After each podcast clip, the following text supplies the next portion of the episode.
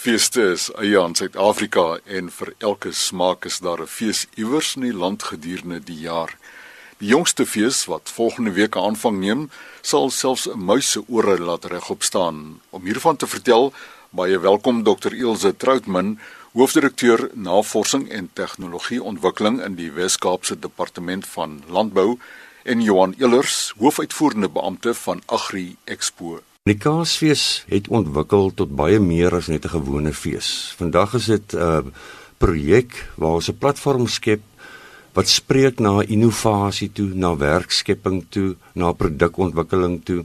En daarom gee ons vir 'n verskeidenheid van kleinkaasmakers, maar ook nasionaal hierdie geleentheid om op hierdie platform hulle produkte bekend te kom stel. Maar dit is 'n dag uit vir die gesin in die platteland op Sandringham nie soos 'n gewone geleentheid waar mense dalk vir 'n uur of 2 uitstalling kom bywoon nie, maar hierso maak ons hekke 10 uur oop en mense sit van 10 uur af tot vanaand 6 uur toe en geniet alle produkte binne in landbou wat daarso is. Nou die Kaasfees is 'n gefokusde entiteit met kaas uit die aard van die saak as die belangrikste voedsel daar en dan het ons die verwante produkte wat daarmee saamgaan en ook wyne. So dis 'n is 'n heerlike dag uit met 'n verskeidenheid van komponente met vermaak. Ons probeer om landbou se beeld te bevorder. Dit is een van die belangrike aspekte daarso. Ons aandag aan detail het vrugte afgewerp. Ek kan noem dat ons 2017 fees aangewys is deur die Assosiasie vir Afrika Uitstallers organisasie as die beste verbruikersuitstalling in Afrika. Dit was 'n lekker toekenning geweest om te ontvang en ek dink dit beloof en onderskryf die die waarde en gehalte van landbouprodukte dan daarso by die fees te sien is. Buiten die kaaskomponent vat ons natuurlik die hele waardeketting van die dier in die veld en ons bring dit byeen. Jy kan sien hoe die diere gemelk word. Soms belangrik dat die verbruiker weet wat is die verskil tussen 'n Holstein en 'n Ayrshire en 'n Jersey hoe word die koei gemelk, hoe word die kaas gemaak en dan die eindproduk is daar, maar dan natuurlik die verskillende teaters waar ons bekende chefs het wat met hierdie produkte kook. Vanjaar natuurlik is die kaasfees ook waterwys.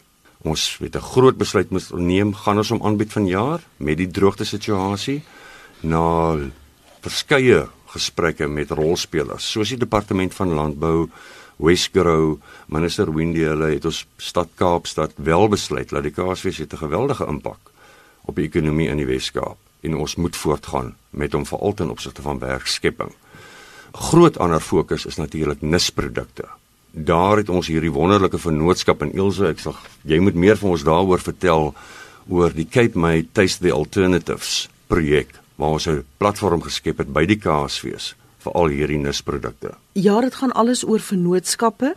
Ons soek altyd ook vir die departement goeie vennote om landbou verder te neem om waarde toevoeging te doen en ons het 'n hele klompie jaar gelede met Agri Expo begin in 'n vennootskap en ek moet regtig sê dit is 'n vennootskap wat kop en skouers bo ander vennootskappe uitstaan en dit is 'n wen-wen situasie. Vir die departement is dit baie belangrik om ook seker te maak dat ons hierdie platforms gebruik om landbou te bevorder, maar ook aandag te gee aan miskien kleiner produkte met hoë potensiaal in in, in hierdie verband is die alternatiewe gewasse en produkte vir ons bitter belangrik. Die departement het dan 4 jaar gelede besluit om 'n Cape Made paviljoen by die Kaasfees op te sit en daarin is nagenoeg 40 uitstallers wat juis op die kleiner produkte fokus. Destyds het ons granate by die buur Tannie gesteel en vandag koop ons die granate ten duurste in die supermark. En so het hierdie alternatiewe gewasse, die kleiner gewasse nisprodukte wat hoë waarde het, hoë uitvoerwaarde en wat baie arbeidsintensief is, het werklik 'n plek in die ekonomie van die Wes-Kaap. En ons wil dit graag bevorder. So die paviljoen is vir 4 jaar al aan die gang en dit is werklik die entoesiasme wat ons daar kry van ons uitstallers is is fenomenaal. Maar 3 jaar gelede het ons gesê maar dikwels is van die kaasfeesgangers stedelinge wat nog nooit in sy lewe 'n uh, granaat of 'n persimmon of selfs 'n fyn mee te doen gehad het nie en dalk het maar net gekoop het om dit te eet maar nie in geregte te gebruik nie. En ons het toe die gedagte gehad om 'n kombuis, 'n kosteater aan die paviljoen aan te heg. Ons noem dit die Cape Made Kitchen. Vanjaar is die 3de jaar wat ons hierdie Cape Made Kitchen aanbied en ek moet regtig vir die luisteraars sê, moenie dink as jy verlede jaar die Kaasfees bygewoon het dat jy hierdie jaar nie moet bywoon nie. Die Cape Made Kitchen is hierdie jaar fenomenaal. Ons neem daardie produk en ons sit dit in jou kombuis neer en ons wys vir wat jy daarmee kan doen. Lekker prakties. En Johan het nou gepraat van dit is 'n waterslim kaasfees en ek wil vir die luisteraars sê dis 'n waterslim resepteboek wat hulle hierdie jaar gaan sien. Ek was bevoorreg om gisteraand 'n 'n skelm loer of soos hulle in Engels sê 'n sneak preview van die resepteboek te hê. Uh en dit is 'n fenominale 68 bladsye boek.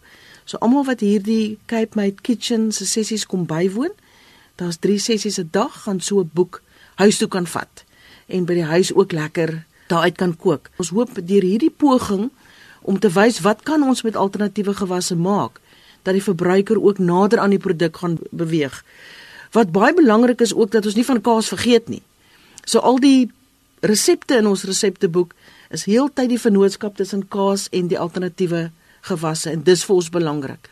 Kaas bly die koning van die kaasfees. Johan, jy het so ewe genoem van klein kaasmakers en die stiekkrag kom van Elsenburg af. Die klein kaasmaker program ja is ook een van die inisiatiewe van die departement. Ons as departement kan nie altyd alles self doen nie. Ons moet 'n vernoot vernoot kry om dit vir ons te doen. En daarom weer eens was die Agri Expo en die Kaasfees vir ons 'n heerlike platform om ons klein kaasmakers wat nou nuwe toetreders tot die kaasmark is, ook daar 'n geleentheid te gee om om met hulle kliënte om te gaan. Ja, Chris, ons het al reeds, ek dink in ons tweede jaar van die Kaasfees het ons besef daar's 'n geweldige behoefte vir hierdie klein kaasmakers om by die Kaasfees uit te kom. Maar dit is duur vir hulle om af te kom na Kaasfees toe, die vervoer, die tyd wat hulle daar moet spandeer ensovoorts. En het ons toe al vir van hulle onder ons vlerk gevat en probeer fondse in die hande kry vir hulle.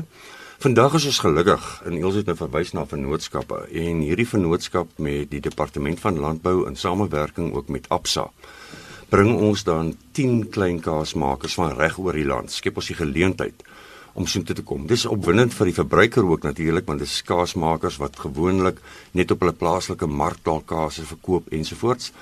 En ons het hierdie jaar het ons ag en ek gaan net 'n paar hierso noem van Williston, Langbaken, Karoo kaas, van Heidelberg, Taaibos kaas, Lockston is die Karoo Milk Goats en dan Stilbaai Kassels Hoop wat redelik bekend is. Ons het vir Betty Bok van Lamberts Bay, maar ook vir Noah's Cheese van Clarence.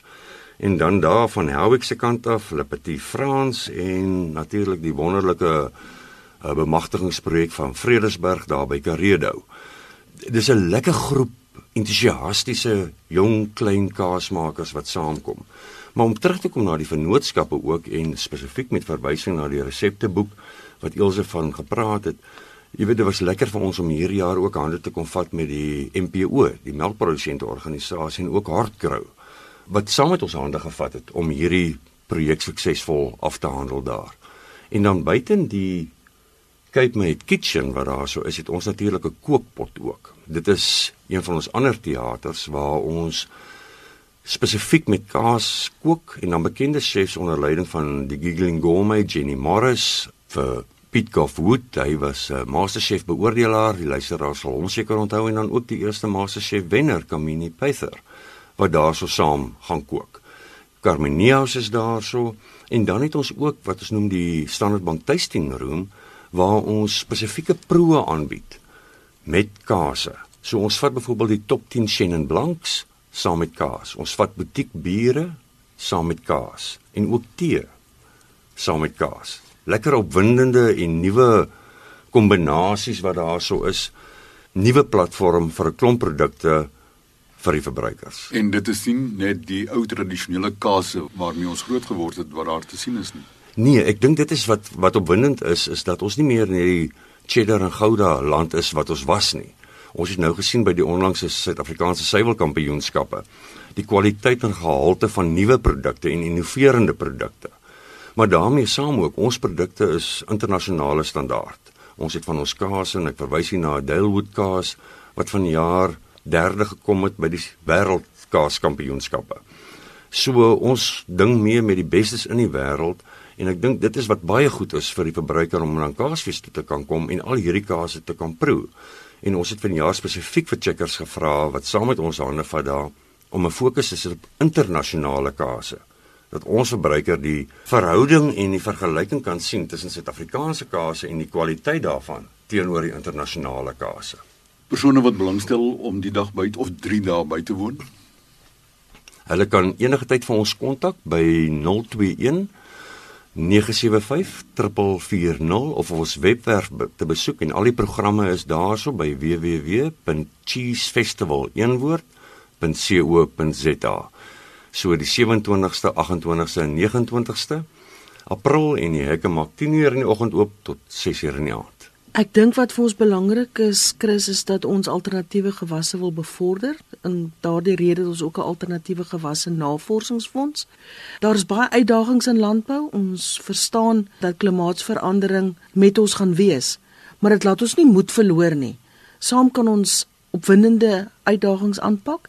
Saam kan ons projekte aanpak om ook ons verbruiker naby landbou te hou. En dit is hoekom ons vennootskappe so belangrik is om die verbruiker en die oorsprong van ons landbouprodukte baie naby mekaar te bring. En dis hoekom die Kaasfees vir ons so 'n pragtige platform is. Johan Illers, hoofuitvoerende beampte van Agri Expo en Dr Ilse Troutman, hoofdirekteur navorsing en tegnologieontwikkeling in die Wes-Kaapse Departement van Landbou, het vertel van die komende jaarlikse Kaasfees op die plaas Sandringham net buite Stellenbosch. Die datum is van 27 tot 29 April en vir navrae skakel 021 975 4440 021 975 4440 Die programme vir elke dag verskyn op die webtuiste www.cheesefestival.co.za en Cheese Festival een woord. Geniet die feestelikheid. Groete van Chris Viljoen.